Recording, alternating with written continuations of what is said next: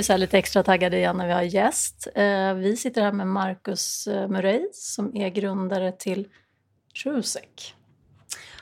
Kul att träffa dig. Kul att träffa er. Ja. Och vi är ju lite nyfikna på den här branschen. Eh, jag tänker så spontant när man tänker på din bransch. Och, jag tror att du startade det här typ 2005. Då tänker jag då antingen så är man extremt affärsmedveten och tänker strategiskt eller så är man nyfiken på en bransch. Hur var det? Nej, jag, jag jobbade ju redan inom det här området eh, när jag startade. Och, och om, om, man ska ta det från början så är jag ju egentligen eh, en datanörd. Jag köpte min första dator när jag var tio år. Och sen ovanpå det så har jag alltid intresserat mig för säkerhet. Jag var kustjägare och reservofficer och liksom förstod det här med försvar och skydda och jag jobbade extra som dörrvakt och såna här saker. Så jag tror kombinationen av datorer och säkerhet gjorde att jag hamnade i IT-säkerhetsbranschen. Och sen, eh, sen kände jag väl där jag jobbade att jag skulle vilja starta eget. Och eh, övertalade min chefs chef på det företaget jag jobbade som heter Nexus att eh, hoppa av och starta bolag med mig.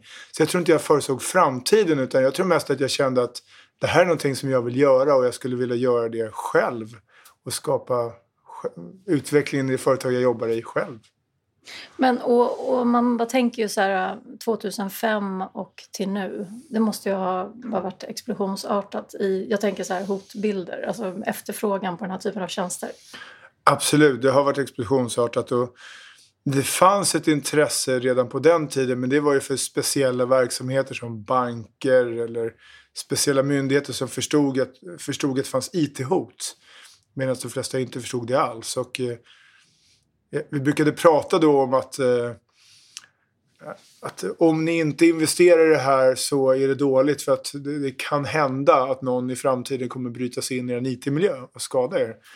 Eh, idag så är det något helt annat för idag händer ju det ju hela tiden. Man läser om det i tidningarna så att idag Idag har ju ondskan mognat. Det har liksom blivit ett hot och de kriminella organisationerna har flyttat in i datorer. Men hur vanligt är det egentligen?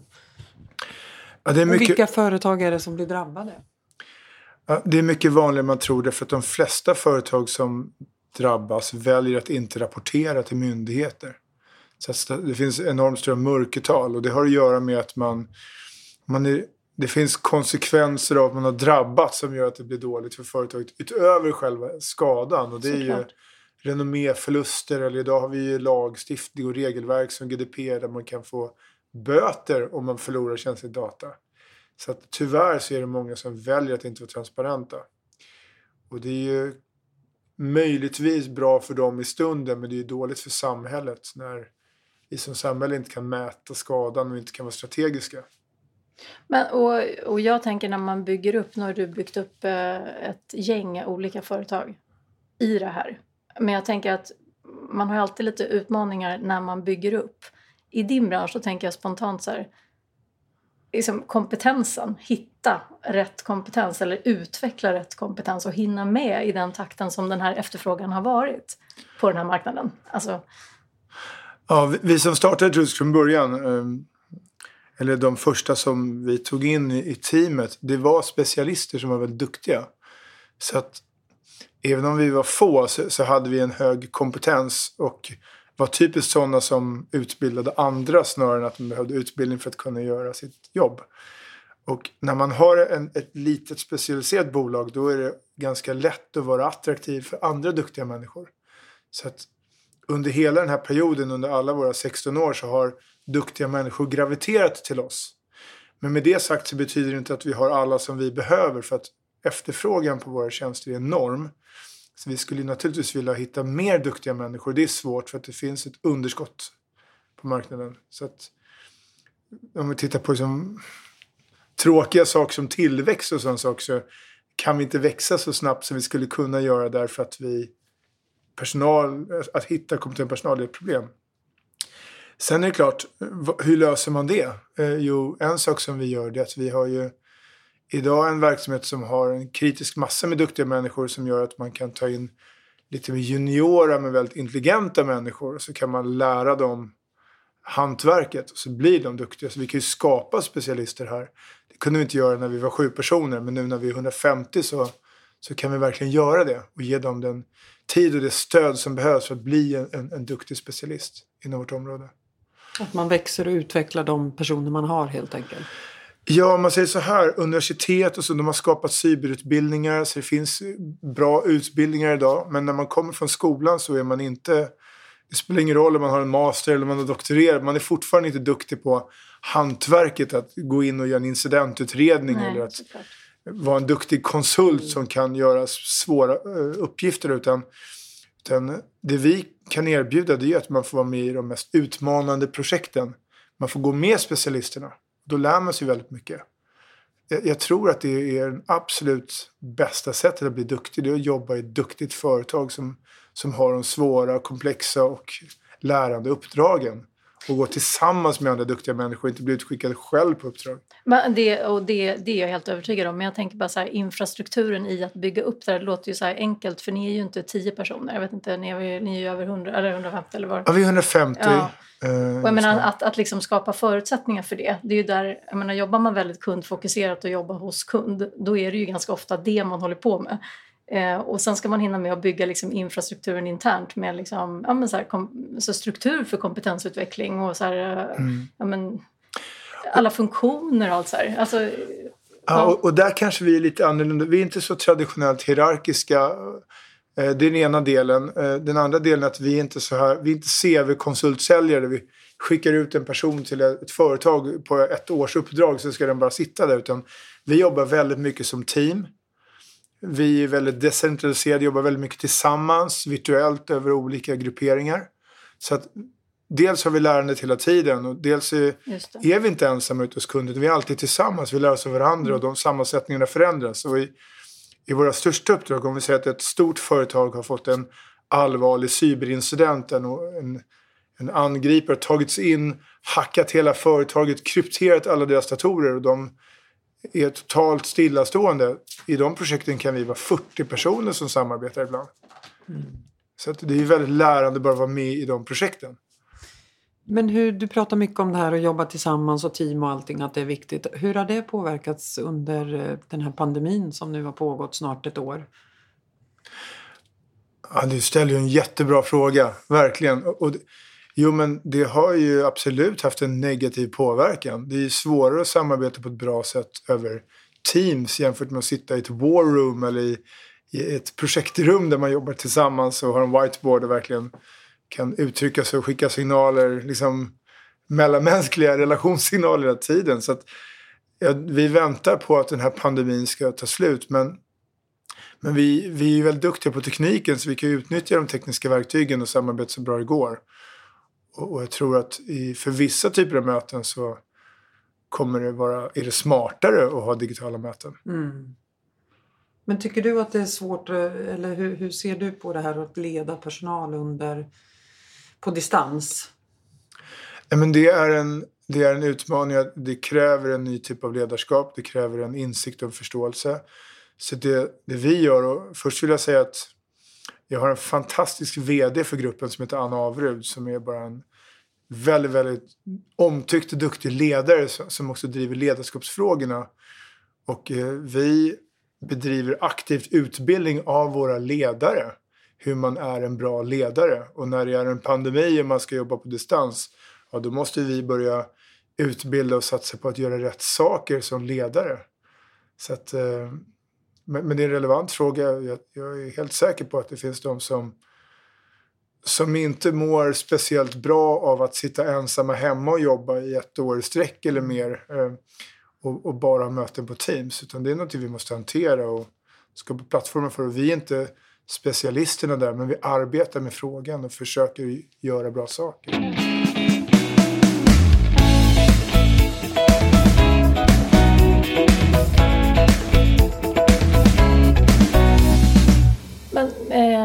Det blir ju ändå lite intressant att fråga dig då som när man inte alls är insatt i den här branschen. För jag tänker ju ganska många olika så här, hot. Man tänker inte, så här, corona, då börjar man tänka på så här, virus, viruskrig liksom. ja.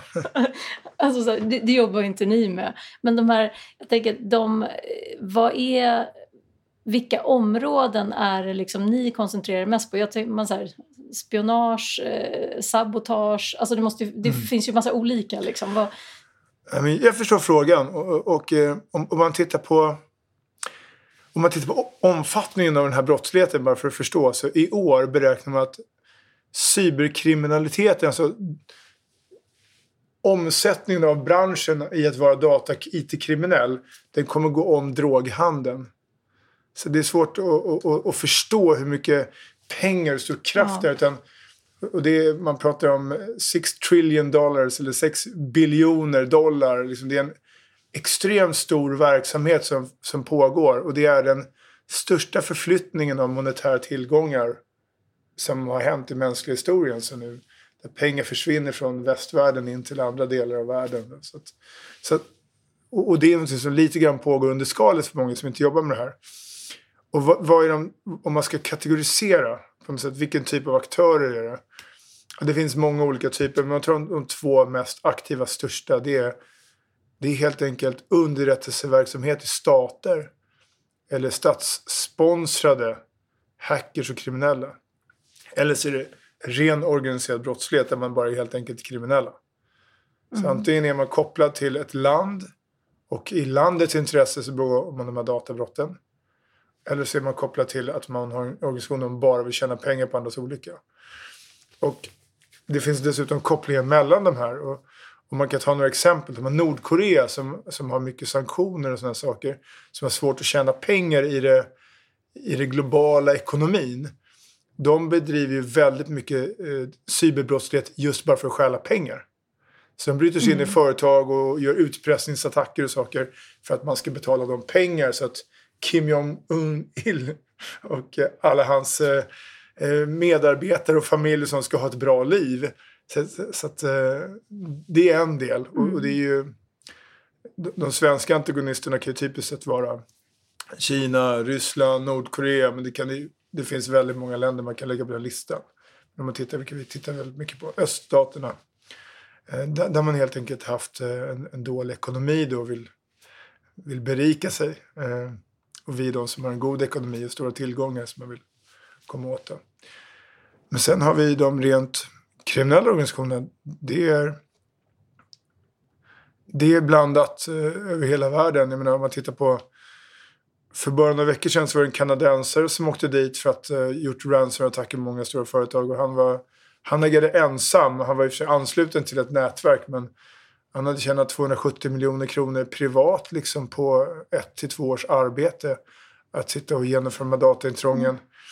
Och det intressanta är att de här kriminella nätverken de bygger upp sådana här kallas affiliate-system där du som individ kan ansluta dig till en tjänst. Så att den tekniska plattformen för att göra intrången och för att skicka ut ransom notes och ta betalt och sådana saker. Den tillhandahålls och så kan du göra intrång själv. Och tjäna oändligt stora pengar på det. Det gör ju att människor som den här personen till exempel, han hade ju ett schysst jobb. Och var en IT-person. Och, och sen helt plötsligt så kommer den här lockelsen med astronomiska möjligheter att tjäna pengar. Så, så, så det är ju intressant. Då tar man människor som är fatt, i fattiga delar av världen. eller Då kanske alternativet är att, att ha en, eh, en lön där du inte ens kan försörja familjen. Då blir det väldigt attraktivt. Men du, har du något tips till, till liksom företagen här ute? Då? Vilka är det som ska vara rädda för dataintrång? Hur, hur stor måste man vara? Ska Andrea och jag vara rädda för dataintrång på våra företag? Eller hur? Jag tror man måste ha en, eh, en balanserad oro. Jag, jag, jag tror inte att alla ska vara rädda hela dagen för att få dataintrång. Utan, utan man måste förstå att om man förstår hur angreppen går till och hur, hur ekonomin och ekosystemet runt kriminella fungerar. Då, då, då vet man ungefär hur orolig man ska vara. Om man är en, ett stort företag som omsätter mycket pengar till exempel. Ja, då ska man definitivt vara orolig för dataintrång. Då kommer man ha intrångsförsök varje år. Hela tiden. Eh, så är det. Om man är ett litet företag med, säg 20 till 50 anställda. Då är man ett sånt företag som, om man inte har någon speciellt känslig verksamhet så kommer man inte vara utsatt för riktade attacker. Däremot finns det ju många attacker som är, är, är mera, jag skulle nästan kunna kalla det för kulsprutemetodikattacker där man, man skickar ut spam till alla e-postadresser man någonsin kan få tag i. Mm. Och om någon klickar så får de in skadlig kod. Och då blir man hackad. Sen kommer angriparna sitta liksom, och, och göra en uh, liten utvärdering på alla de här hackade datorerna och se tillhör de ett intressant företag. Och är man intressantast på listan, är man överst på listan, då kommer man ju kanske få ett dataintrång och få skador.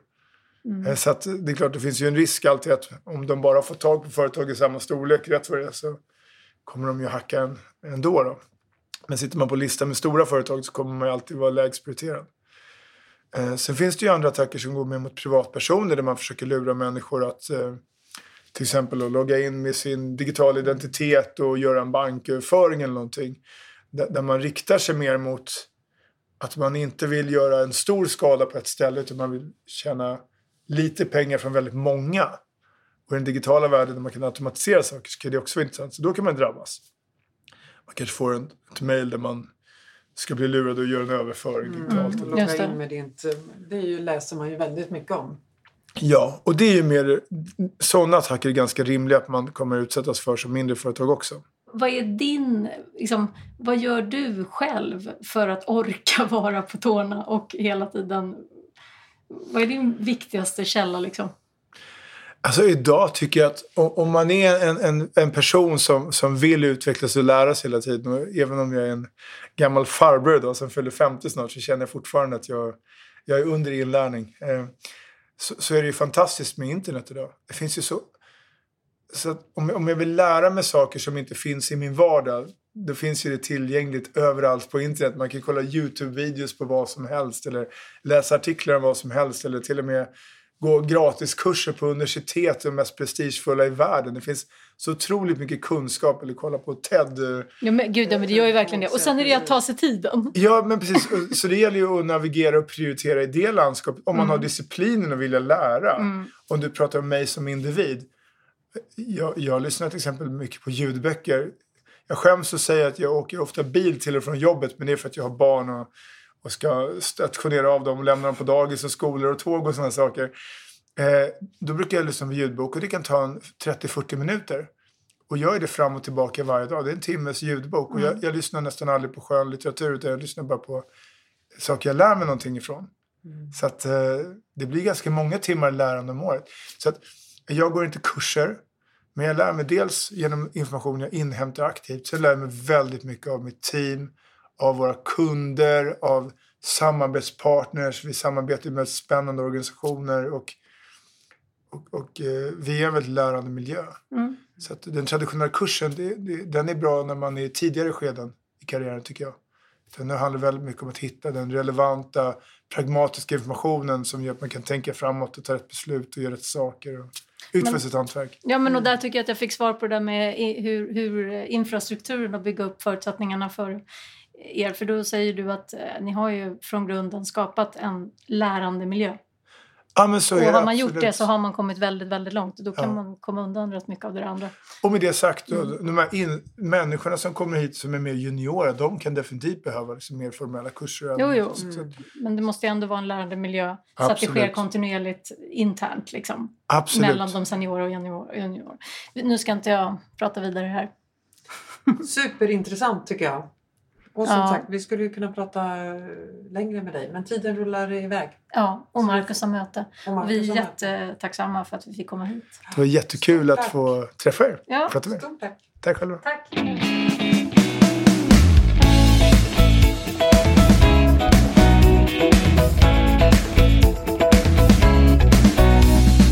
Det här var ju ett jätteintressant samtal, Andrea, med Marcus.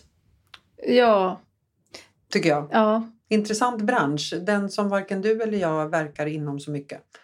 Nej men precis, det här är ju liksom sånt som händer under radarn kan man Mm, säga. Lite grann så. Ja, Men du, din vecka. Vad, vad snackas det om på stan? eh, jag känner mig frånvänd verkligheten och i mitt eget huvud.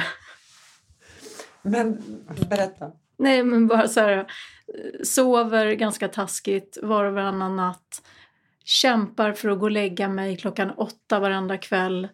Man kan läsa mellan raderna viss tristess. Mm, men alltså, det, är, det är inte roligt att gå och Men lägga sig åtta och gå upp fem. Liksom. för att du måste, du går ju upp så tidigt. Det, det, det är ju anledningen. Det är ju inte för Ja. att du egentligen är trött klockan åtta utan du tänker att eftersom jag måste upp fem så måste jag i säng åtta. Ja, exakt. Och nu har vi så här, äh, idag är ja, men så här, fredags liksom. Då, då får man se fram emot cocktailen fredag kväll. Då är det melatonin och en sömntablett klockan sju.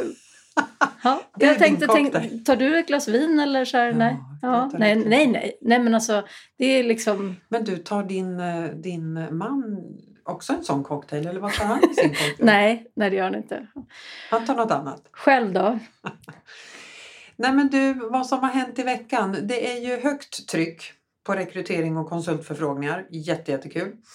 Eh, det jag har uppmärksammat eh, senaste veckan är att eh, de HR-chefer jag pratar med är lite uppgivna för att det är mycket som har dragit igång nu. Eh, även om vi eh, är i en tredje våg och allt eh, som pratas om så på arbetsmarknaden så har har det ökat trycket upplever jag. Och de här HR-cheferna är lite frustrerade för att deras personal har inte jobbat fullt ut på ett år i stort sett. Och då när det plötsligt drar igång, då är man lite i chock. Och hur ska de hantera det där? Vad blir problemet? Problemet blir att personalen eh, eller medarbetarna i det läget eh, blir frustrerade och inte hinner med och tycker att det är mycket. Tidigare har man gjort eh, tio kundbesök i veckan till exempel men under en pandemi har man gjort fyra och nu ska man upp på tio igen och då blir det en chock. Till exempel. Mm, mm. Så de diskussionerna sitter jag mycket med, med med chefer som ser en frustration över att det är, saker och ting tar tid och att man har kommit in i en lunk som är lite farlig för businessen. Men man, alltså man, uppfattar, eh, man uppfattar att man blir stressad över mindre alltså. Mm. Och jag då som sitter lite på andra sidan och kan känna ganska stor ödmjukhet för mångas situation där många inte mår bra. Men det är en annan fråga kanske. Mm. Alltså, det är lite skillnad att, alltså sådär. Men alltså, jag kan ju tycka liksom att det på riktigt också är ett problem för många. Alltså Att att, att, behö- nej men att, att man eh, att många inte mår bra liksom, av olika skäl och sen så mm, man, det är fler dåliga dagar än vad det var förut Ja. av olika anledningar. Liksom. Mm. Och då när man ska prestera under de förutsättningarna så är man ju Skör. trögare och Mm. skörare och blir tröttare snabbare. Och det är ett problem liksom. Ja, det är ett problem. Det där tyckte jag var du fångade upp. Det är flera dåliga dagar än bra dagar. I, alltså på det sättet. Ja. Och det är ju en fara. Dels för en själv såklart men också för företaget. Ja, för det blir inte bättre för en själv av Nej. att företaget skulle gå sämre. Eller så här, att det behöver- heller så. Men, men jag tycker att det är svåra frågor faktiskt idag på många sätt. Och mycket så här eh, en, en stress som inte man har riktigt sett tidigare. Nej. En stress som handlar om någonting annat än att man till exempel är stressad av att man har för mycket att göra. Idag är det nästan en stress på grund av att eh, det är en existentiell ångest som man ser hos många. Mm. Och det är en ångest som alltid kan finnas hos människor mer eller mindre. Men eh, sällan drabbar det väl så många samtidigt som det har gjort nu. Och det är ju rent kopplat till att vi har, ja, men många har hälsoångest liksom. Mm. Som det, det är ju ett nytt begrepp som kom för några år sedan. Men mycket handlar ju faktiskt om en existentiell ångest. Att man till exempel så här, frågar sig, ja, men om du har jobbat på ett sätt i massa år och sen så nu har du jobbat hemma ett år. Det här har ju blivit en vana så du har liksom börjat frågasätta saker. Så här, trivs jag egentligen med att åka in till stan och jobba på det sättet som jag har jobbat? Hur är mitt jobb egentligen? Tycker jag att det är ens kul att jobba med det här? Alltså, så här Mm. och börjar man ha de frågorna då blir man ganska omotiverad. Ja, Men du, och den här tiden vi har har ju också gett att vi har tid att reflektera över Mm, sådana saker. verkligen. Eller hur? Men fortfarande är det ju 85 procent av de som arbetar som inte är engagerade i sitt arbete. Den siffran, den, den får mig att bli förfärad. Ja, och då var det innan pandemin väl? Eller var det Ja, under hörde- hösten? Ja, precis. precis. Mm. Så att det där med motivation och engagerade medarbetare, det, det kan vi prata om i Men, många avsnitt. framåt. ja, men jag vet. Men jag, jag, jag tänker också att man kan vända lite på det och, och tänka att det finns ganska många frågeställningar som får ta plats, som kanske också bör ta plats. Som folk inte har ifrågasatt innan. Tidigare nu. Ja, men Mm. exakt. Och att man blir... Ja, men så här, det, det är många som säger det. Att helt plötsligt så har ju det du faktiskt gör har ju blivit väldigt tydligt. Du, du har, kan inte paketera in det i lite bomull att du åker till Stureplan och, och, och njuter av en miljö. Och sen så jobbar du lite. Nej. Alltså, man kan ju ha jobbat ganska mycket, det var inte meningen att låta så. Men, men, eh, men det du faktiskt ska utföra har ju blivit väldigt så tydligt när du inte har någon lullull runt omkring. Nej, man har inget lullull. Nej, och då är det ganska många som blir ganska ifrågasättande kring eh, Mm. vad man känner inför saker och ting. Så en dag som den här Andrea, för mig att få Mm. åka in till stan. För nu har vi ju sitt, suttit hos Marcus här och Ja. spelat in podd eh, på hans fina kontor här mitt i city. Det här är en stor dag. Man får sätta på sig stövletterna, man får sätta på sig kappan, man fönar håret och man får åka in till city. Ja, jag trivs alltså. Ja, då tycker du att det är toppen? Ja, jag gör det. Mm. För jag sitter ju hemma i stort sett hela tiden. Och det vet ju ni eh, kära lyssnare vid det här laget vad jag tycker om det. Så det behöver jag inte berätta igen. Nej, fast du får gärna vara transparent med hur du känner Maria. Ja, nej, jag är ingen hemmajobbare. Nej, Sorry. mm, du skulle ha mitt jobb då. Ja, faktiskt. Nej, men det kommer en tid. Det kommer ju en tid. Jag, jag ser ju inte framtiden som att sitta hemma fem dagar i veckan. Så att det kommer ju en tid. Det gäller bara att ha tålamod. Och det vet ju du att det är inte min starkaste sida. Så att det är klart att det blir en frustration.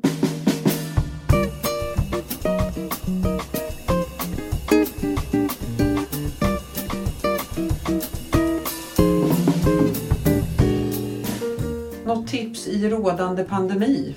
Vad tänker du?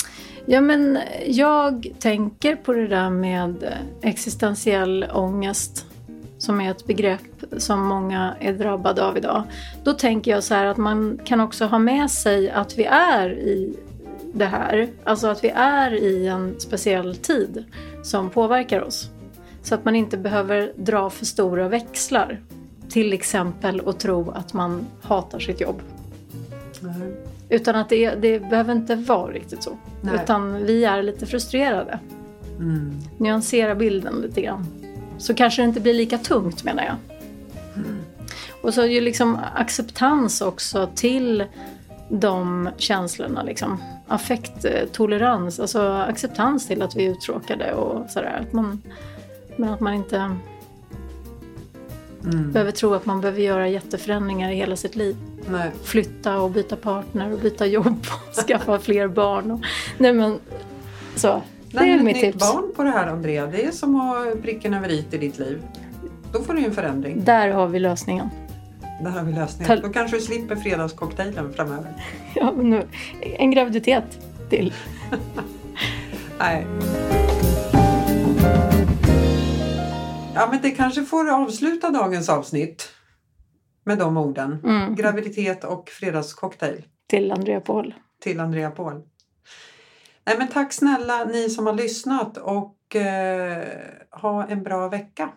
Tack. Så är vi tillbaka nästa måndag igen. Ja.